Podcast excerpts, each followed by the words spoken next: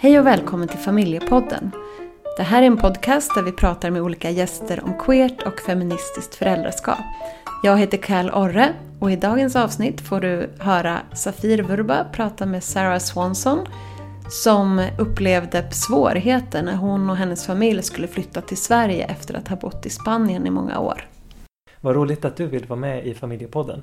Ja, tack så mycket. Det ska bli jätteroligt. Mm, tack. Vill du berätta lite om din familj, hur den ser ut till att börja med? Mm. Eh, min familj är eh, min kärlek, Soledad, som när jag träffade henne redan hade ett barn, Jazz, som har en pappa i Barcelona. Vi träffades i Barcelona Mm. och där var vi jättekära. Och sen bestämde vi att vi ville bilda en familj. Men då var ju de redan en liten familj när jag kom in. Då var jag 25, nu är jag 42. Var jag jättesäker på att jag absolut inte ville ha mer barn. Men sen någonstans, Solly är jättebarnkär och ville alltid Mm. ha barn. Och det var absolut inte hon som övertalade mig men på något sätt så började det att jag kanske ändå ville det. Och då bestämde vi oss att vi ville ha Love som blev till sen. Hur, hur gick det till när ni ville bilda familj? Ingick du i den konstellationen som redan fanns då? Eller hur, hur såg, om du vill berätta om det får du gärna berätta Mm. lite. När jag träffade Solle så var det jättepassionerat. Vi blev så jätte, jätte förälskade i varandra. Och då bodde jag här i Stockholm och Solle bodde i Barcelona med Jazz. Och Jazz träffade sin pappa lite sporadiskt. Och jag var jätte så här, jag vill inte ha barn men jag är jätteförälskad i den här personen. Mm. Och jag hade inte råd, vi hade inte råd att hyra två lägenheter så att det, var, det var lättare för mig att flytta till Barcelona än för de två att flytta hit. Mm. Så vi tänkte okej, jag flyttar in hos dem tills jag hittar ett jobb, en annan lägenhet och kan betala ett rum eller någonting. Men sen gick det så bra att bo ihop så att jag stannade där. Det med familj var inte så självklart först. Jag var väldigt så här, jag är inte mamma till Jazz. Och Solly var också väldigt respekterade det att inte be mig vara barnvakt. Det var ganska separerat. Men sen med tiden blir det ju ändå, om du bor med ett barn Mm. som behöver saker. Då är det ändå så här, Ja, jag måste gå på ju någon- toaletten, jag måste göra det här. Absolut. Ja, man blir en vuxen gestalt oavsett. Precis. Ja men precis, och att vara en förälder är ju att göra saker. Så till slut blev det ändå, framförallt kanske han började säga mamma och jag kände mig först jätteobekväm. Men Mm. ändå så var det så, jag vill inte ta det ifrån honom, att han känner att jag är en förälder. Och sen växte jag ihop med det. På något sätt. Jag kom ikapp det. Mm. Mm. Och, och det kändes bra till slut. Men det var ganska lång process. Det var några års process för mig att, att vara en förälder. Det var inte helt Mm. Mm. Ja, jag fattar. Hur ser er relation ut idag? Din med jazz. Mm. Eh, Vi bor ihop allihopa Mm. fortfarande. Så, och nu är Jazz 20 år. Men ni, när, när Love föddes, Mm. som är, som är ett, det, det andra barnet, då bodde ni fortfarande i Spanien? Mm, Mm. precis. Hur, eh, hur länge gjorde ni det innan ni flyttade tillbaka till Stockholm? Eller flyttade till Stockholm? Ska. Love var tre Okej. när vi flyttade, tre och ett halvt Ja. när vi flyttade till Stockholm. Så han började sin förskola hela sina första år. Men det var en ganska lång process från, från att liksom jag, det blev en jättestor sak när jag bestämde. Det var ju lite jag som bestämde så här, nu kan jag tänka mig ett till barn. Mm. Då blev Solly jätteglad för det var det hon alltid hade velat. Så det var ju så här jätte... Jag kan inte säga det här och sen ta tillbaka det. Det blir jättestort. Och, och, och Jazz ville ha ett syskon. Mm. Sen hur länge som helst. Mm. Jo men det var jättelång. Från att liksom, okej, jag bestämde mig, alla blev jätteglada. Så var det ganska... Först hade vi tänkt prova med vänner med insemination hemma. Två gånger var vi med om att vännerna till slut blev rädda.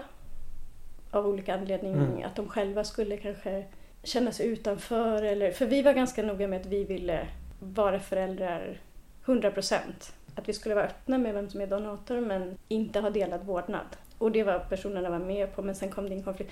Det är lite, det är lite känslig, svår fråga och jag är jättetacksam att de personerna kom fram till, dem, till det innan vi började Ja, någon gud, process. var- vi hade redan lite knepiga band till eh, jazzpappa till exempel. Mm.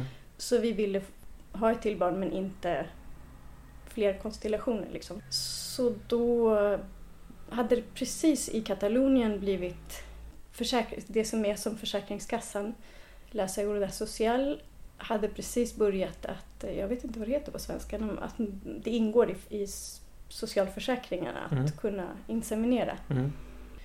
Då sa vi okej, men då ska vi prova med insemination. Men jag fick flera missfall. Det var, det var väldigt långt. Från att vi provade första gången tills att vi fick Love gick det fem sex år. Okej. Mm. Så det var lång...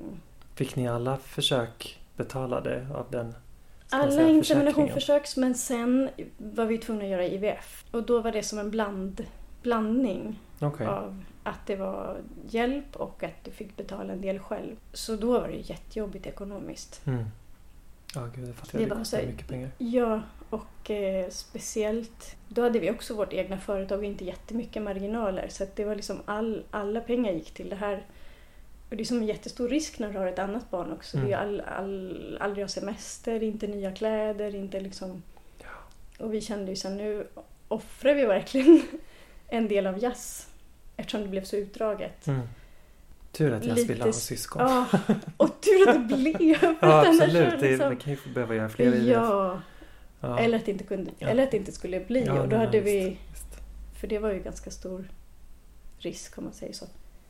Men ser, alltså reglerna här i Sverige har ju ändrats relativt nyligen så att även ensamstående kan få inseminera till exempel. Förut så har det ju bara varit par som har kunnat göra det. Hur ser det ut? Vet, du det i Spanien om även ensamstående Det kan är få så mycket inseminera? bättre där. Mm. Det är så mycket bättre. Vi var med om väldigt olika attityder, det är en sak.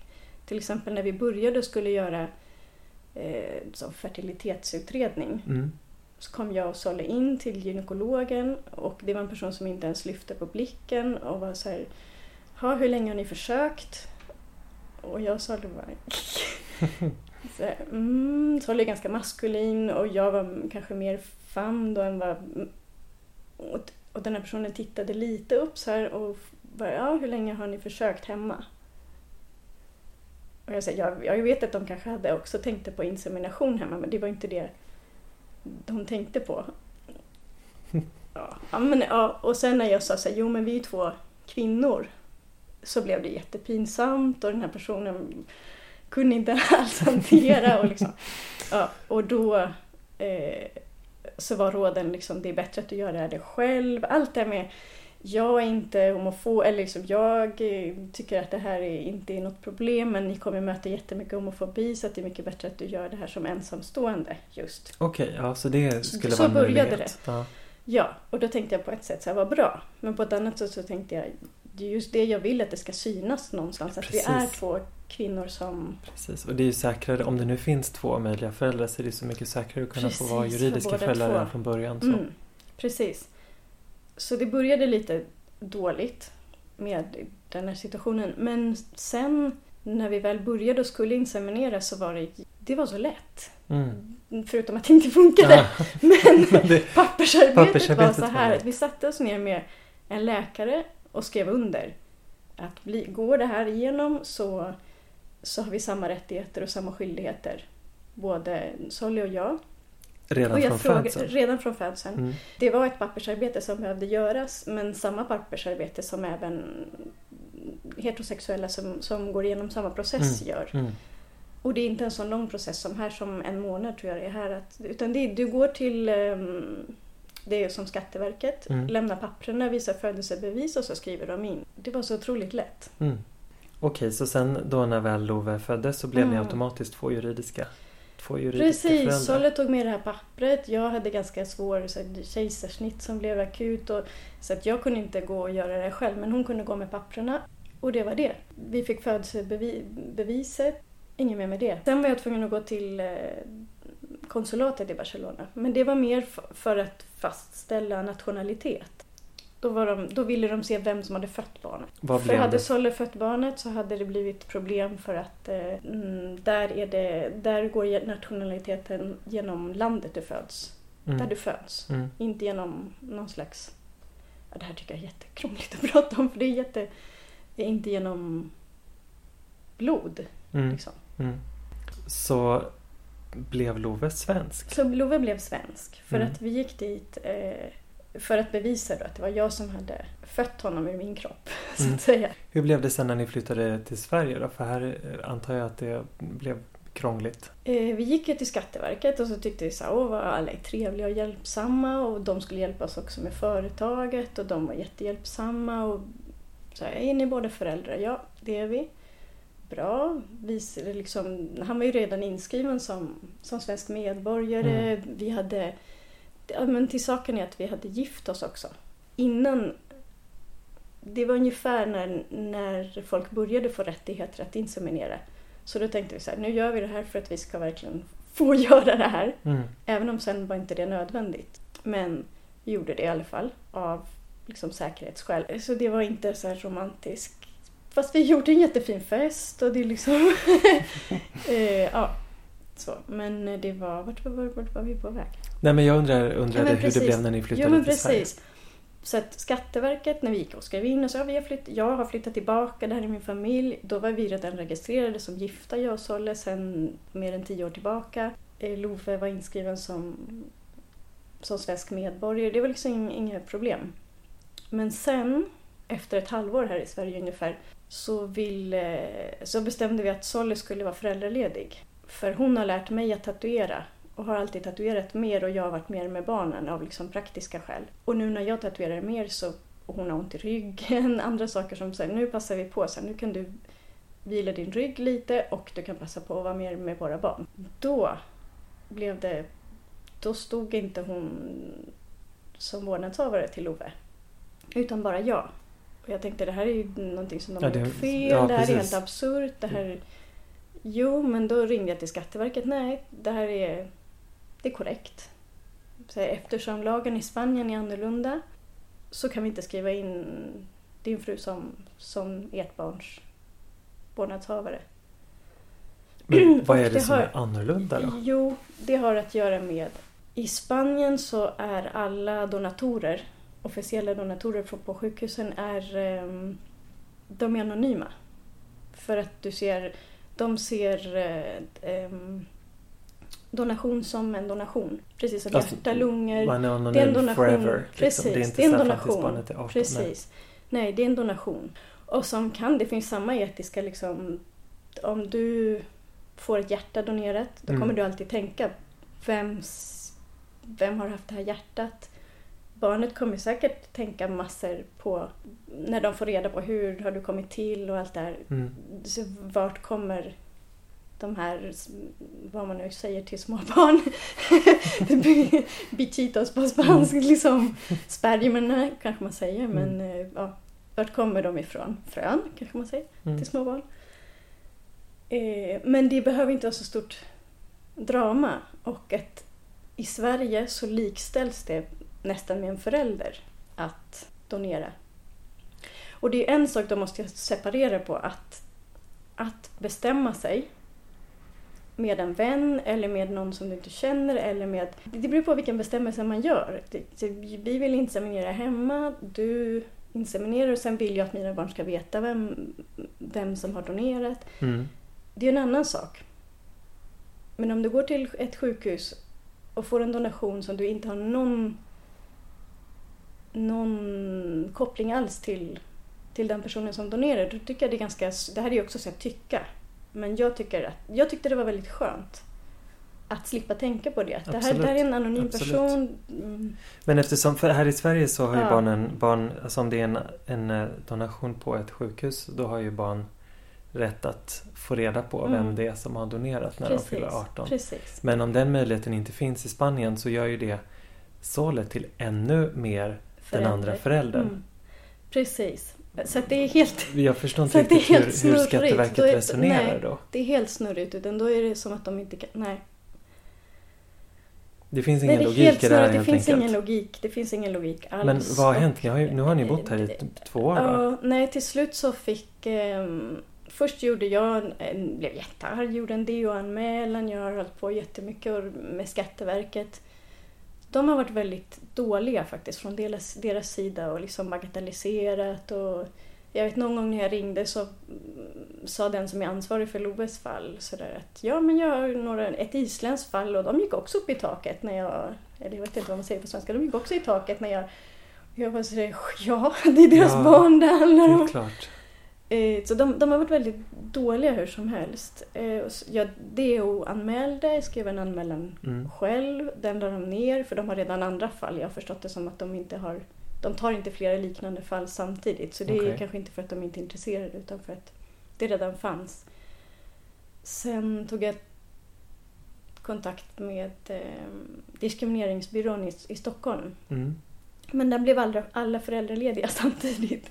Men de hänvisade mig till Uppsala. Det var ju så långt i Uppsala och där är jag med kanske fjärde personen. Det har hänt massa saker på vägen. Men de har varit jättebra hur som helst och Mm. hjälpt mig att driva det här. Eh, Men vill skatte, liksom, är Skatteverkets lösning att Solle skulle adoptera, göra en de, närstående de, adoption de, då? Precis, Mm. precis. Och det är det vi har gjort till slut. De från diskrimineringsbyrån säger att, ni ska, att vi inte kanske skulle behöva göra det då för att... Men vi kände själva att åh, händer någonting under Mm. hela den här processen som kan bli jättelång. Så man börjar tänka på saker som man egentligen inte vill tänka på. Så om, jag skulle, om jag skulle gå bort, om, om vi skulle separera och bli jätte ovänner. Mm. Det, liksom, det skulle inte vara första gången. Jag ser oss själva, skulle något sånt hända, att vi skulle hjälpa varandra. Fast jag har sett andra som också har blivit, Absolut. fått liksom traumatiska separationer. Absolut. Det är ingen liksom som är förskonad från att bli elak av ledsenhet eller liksom. Nej, nej, nej, nej, nej. Och jag menar, Mm. det går ju att skriva egna kontrakt och sånt. De är Mm. ju, Precis. det är ju inte säkert att de blir juridiskt bindande. Det beror ju helt på vad familjerätten säger och så vidare. Alltså det finns det en juridisk, alltså ni är två föräldrar. Precis. Jag tänker att det är, fan hela vår familjelagstiftning är uppbyggd på Mm. två föräldrar Mm. i en familj. Det är så Vi konstigt är bara att ni inte liksom... jättenormativa Ja, egentligen. det är så Liksom, konstigt att vi- ni inte Vi får... har, så här, vi har gift oss. så jag bara, ja, vi, vad har varit fick vi för tillsammans det, liksom? jättelänge. Ja, Vad nej, fick vi visst, för det? Och jag menar inte, jag menar inte att säga heller att ni är så här, Nej men, ni är nej, men normativa. är så. Nej, Men, men, det men ni lever ju ändå i en konstellation som borde vara otroligt Och- liksom ja, legitim. nej, men det är ju så. Vi har gjort allt efter liksom, Mm. lagboken om man säger så.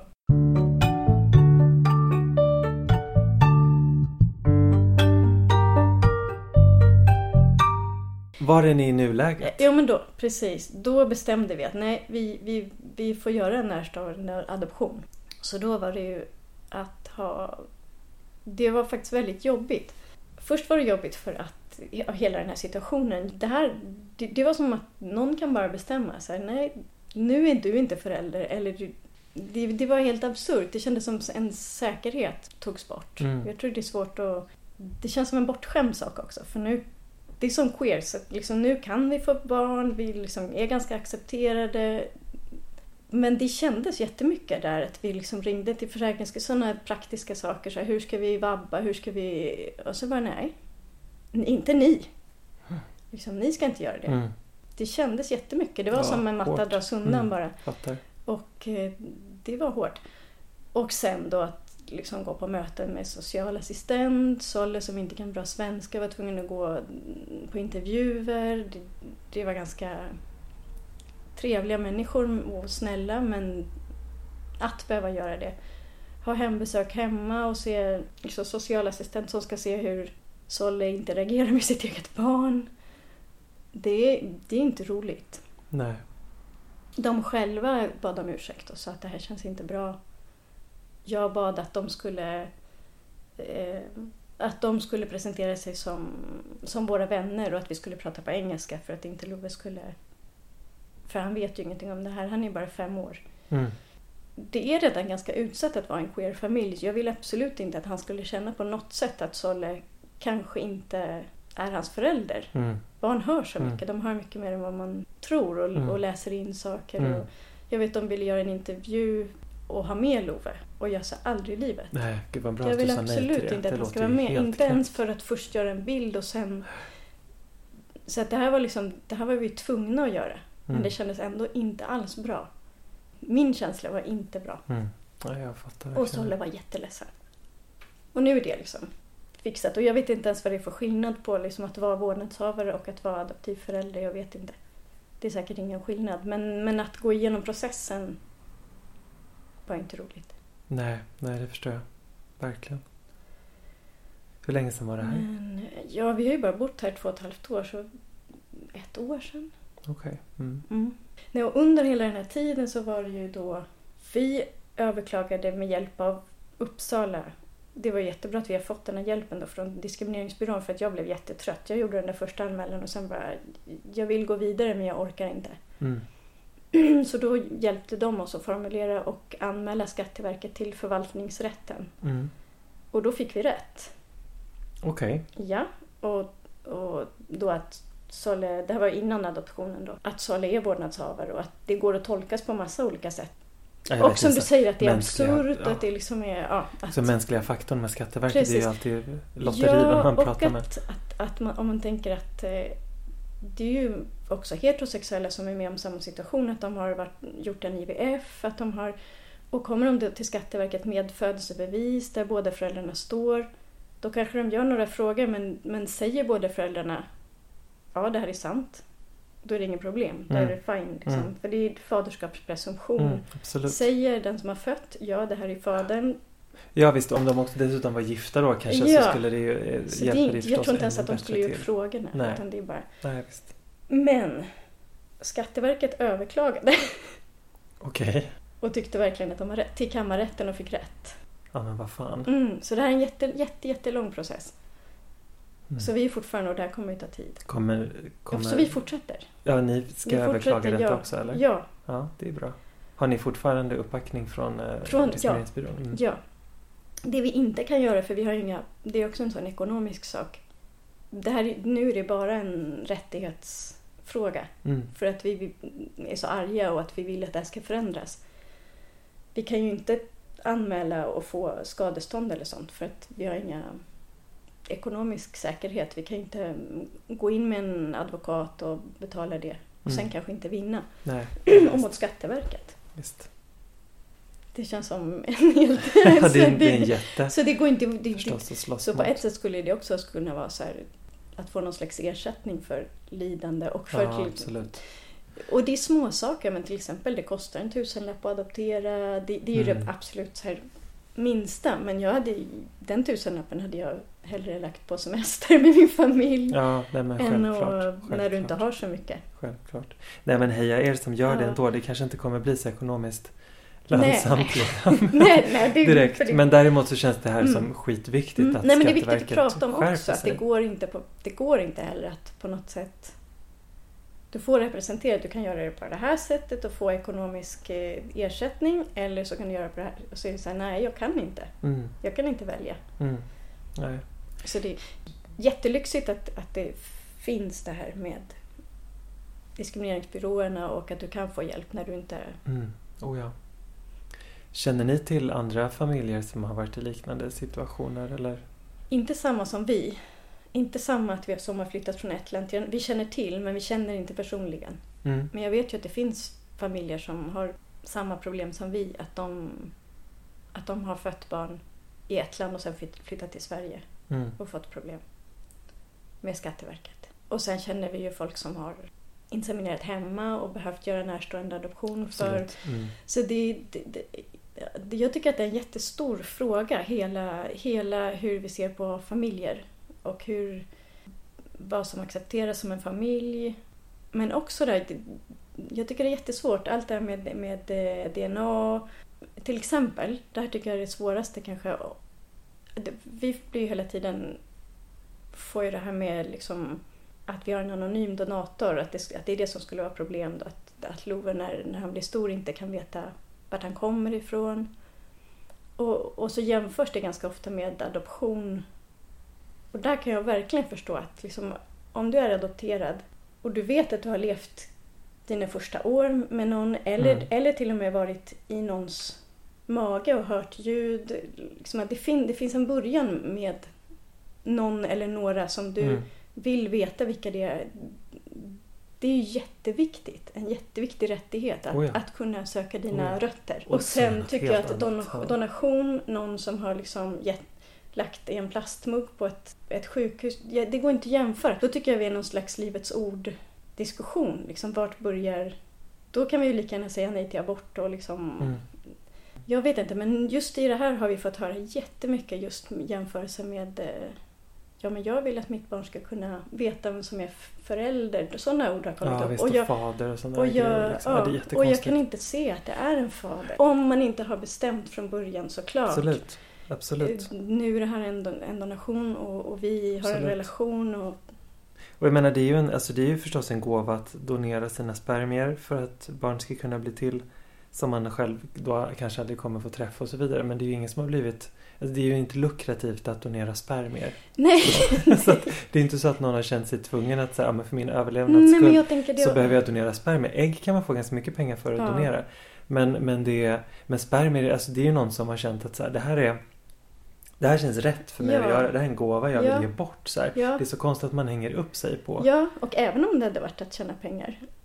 Ja, det hade ju Att- varit att- fine att- också att- givetvis. äh, Men, men det är inte ens Men det är liksom... inte ens det heller. För det tänker jag att man ändå kan Mm. säga, det är ju en helt annan diskussion Mm. Jo, också för då kunde det varit mer liksom nödvändighet och hur okej är det och allt Nej det men visst, visst. Och då handlar det mer om något slags, alltså det blir Maktperspektiv Ja precis. Och mycket, med mycket mer liknelser till liksom surrogatföräldraskap Mm. och så vidare. Liksom. Men det... Men det Fast det ändå inte är på samma ansträngningsnivå tänker jag. Oh nej. Oh nej. Oh nej. Nej men vad konstigt att, ska- jävligt konstigt att Skatteverket hakar upp sig så mycket på det där. Ja, jo för då är det just faderskapspresumtionen de pratar om. Och som jag också tänker, här, men precis som du säger då så här, okej om inte den fa- eh, fadern, för det är det de pratar om. Mm. De pratar inte om förälder, de pratar om Mm. fader. Mm. Inte finns och det går aldrig att hitta. Då tar vi undan den andra föräldern också. Ja, det finns ingen logik i det här. Mm. Jag vet ju, ni har haft en namninsamling eh, Mm. ett. Vad har det handlat om? Det gjorde jag direkt för jag blev så himla arg och frustrerad och bara "Jag måste göra någonting. Så den har hållit på och cirkulerat några år nu. Mm, mm. Och vi ville överlämna den till någon. Men jag har varit så trött och med så mycket andra saker så att jag har överlämnat det lite till, till diskrimineringsbyrån som har pratat med RFSL. Som, Mm. och jag tänker så här, de vet bättre vilken politiker det kan vara bra att lämna över till. Så de håller på att prata om det just nu och så har jag bara sagt informera mig och jag vill vara med men, eh, Ja, men det, men vi jag måste själv hjälpas åt orkar att driva inte det ens Nej, nej, men eh, det måste vi tänka hjälpas åt. mer på det. Om man skulle vilja skriva på den här listan, var hittar man den då för någonstans? Mm, Den är på change.org Mm. och den är jättelång titel. Den heter Do not take away the legal parenthood of lesbian mothers moving to Sweden. Mm. Men jag tror att om man bara söker på change.org, lesbian mothers, så tror inte jag det finns jättemånga. Nej, den lärde Och finns det kan man säkert skriva på allihopa. Ja, ja, men det är jättebra. Jag har skrivit på den här för länge sedan givetvis. Precis, ja men den har, den har cirkulerat Mm. några år för det har varit lite så här, när ska vi lämna över? Det är en sån frustration. Där som, vi som jag sa tidigare att det, det finns någon slags tacksamhet som queer, att du ska känna dig tacksam att du överhuvudtaget går och har en familj, att du blir bra bemött på förskolan. Att Mm. det, och det är vi också. Vi, jag vet inte hur ofta jag tänker på hur, hur otroligt det är. Men då blir det också som att folk bagatelliserar. Jag har jättemånga runt omkring mig som jag har känt är så här, men det är väl inte så viktigt. Liksom. Det, fast det är det för att om du ska vabba, om det, det är jättemycket praktiska Ja, saker som är Föräldraförsäkringen. Precis, hela, Mm. hela systemet är byggt på det. Förutom att det är en rättighetssak så är det också... Då ska jag stå... När Solly inte fick vabba då ska vi ljuga om det och jag är inte... Skitsamma liksom. Men om det kommer någon inspektion här då står jag och jobbar. Mm. Fast vi har skrivit att det är jag som Mm. vabbar. Mm. Vem behöver hålla på med det? Mm. Nej, visst. Det känns ju hoppfullt att ni har fått så fin hjälp från eh, Antidiskrimineringsbyrån i Uppsala. En bra resurs att använda. Mm, absolut. Så, så händer det något sånt här så ska man absolut... De har inte jättemycket resurser märks verkligen och folk blir utbrända och det, är- vi har liksom tredje personen vi är inne på Mm. i de här, tyvärr. Men det är ju, händer någonting så finns det resurser Mm. att kontakta. Tack att Familjepodden fick träffa dig. Tack så mycket själva att ni gör det här. Det ska bli jättespännande att lyssna på flera.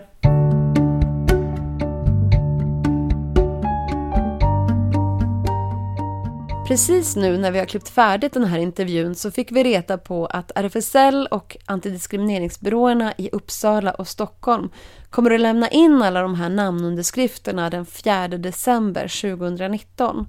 Så det är lite bråttom om ni vill skriva på för att protestera mot Sveriges absurda lagar. För det är ju helt absurt att man måste adoptera sitt eget barn när man flyttar till Sverige, även om man har varit erkänd förälder i det land som man flyttar ifrån. Det här enbart på grund av heteronormativitet. Och de lagar som reglerar det här är några som heter IFL och NFL. det står för lagen om internationella faderskap och lagen om nordiska faderskap. Och det hörs ju bara på namnet att de är ganska gamla och eh, inte riktigt tar hänsyn till att det finns andra typer av föräldrar. Ehm, och problemet är ju att är du far till ett barn och flyttar till Sverige så har du inga problem oavsett hur det barnet har blivit till. Medan då Sarah och Solle i det här fallet fick lov att eh, gå igenom en hel adoptionsprocess. Och den här lagstiftningen behöver ju förändras och ligger nu faktiskt, säger i alla fall regeringen i pipeline, att förändras. Under Pride gick vår hbtq-minister Åsa Lindhagen ut i en debattartikel och berättade att de kommer att förändra den här lagstiftningen. Frågan är hur lång tid det tar. Vi har ju också pratat med juridiska experter som anser att man inte måste förändra lagen för att förändra praxis. Att Skatteverket skulle kunna titta på lagstiftningen och bara översätta den till dagens Eh, verklighet och använda lagen utifrån det. Men tyvärr så vägrar ju Skatteverket att göra det och då behövs det en lagändring. Så jag hoppas att det kommer till ganska snart. Men eh, allting tar ju sin tid i regeringskansliet och det behöver skrivas ett förslag och den ska ut på remiss och sådär. Så det kommer ju ta några år innan det kommer på plats tyvärr. Men eh, det går lite framåt hoppas vi. Idag har du alltså fått lyssna på Familjepodden och om du vill komma i kontakt med oss så kan du det. Du kan mejla till queerfamilj.gmail.com Hoppas att du har uppskattat det här avsnittet och så hörs vi igen. Hej då!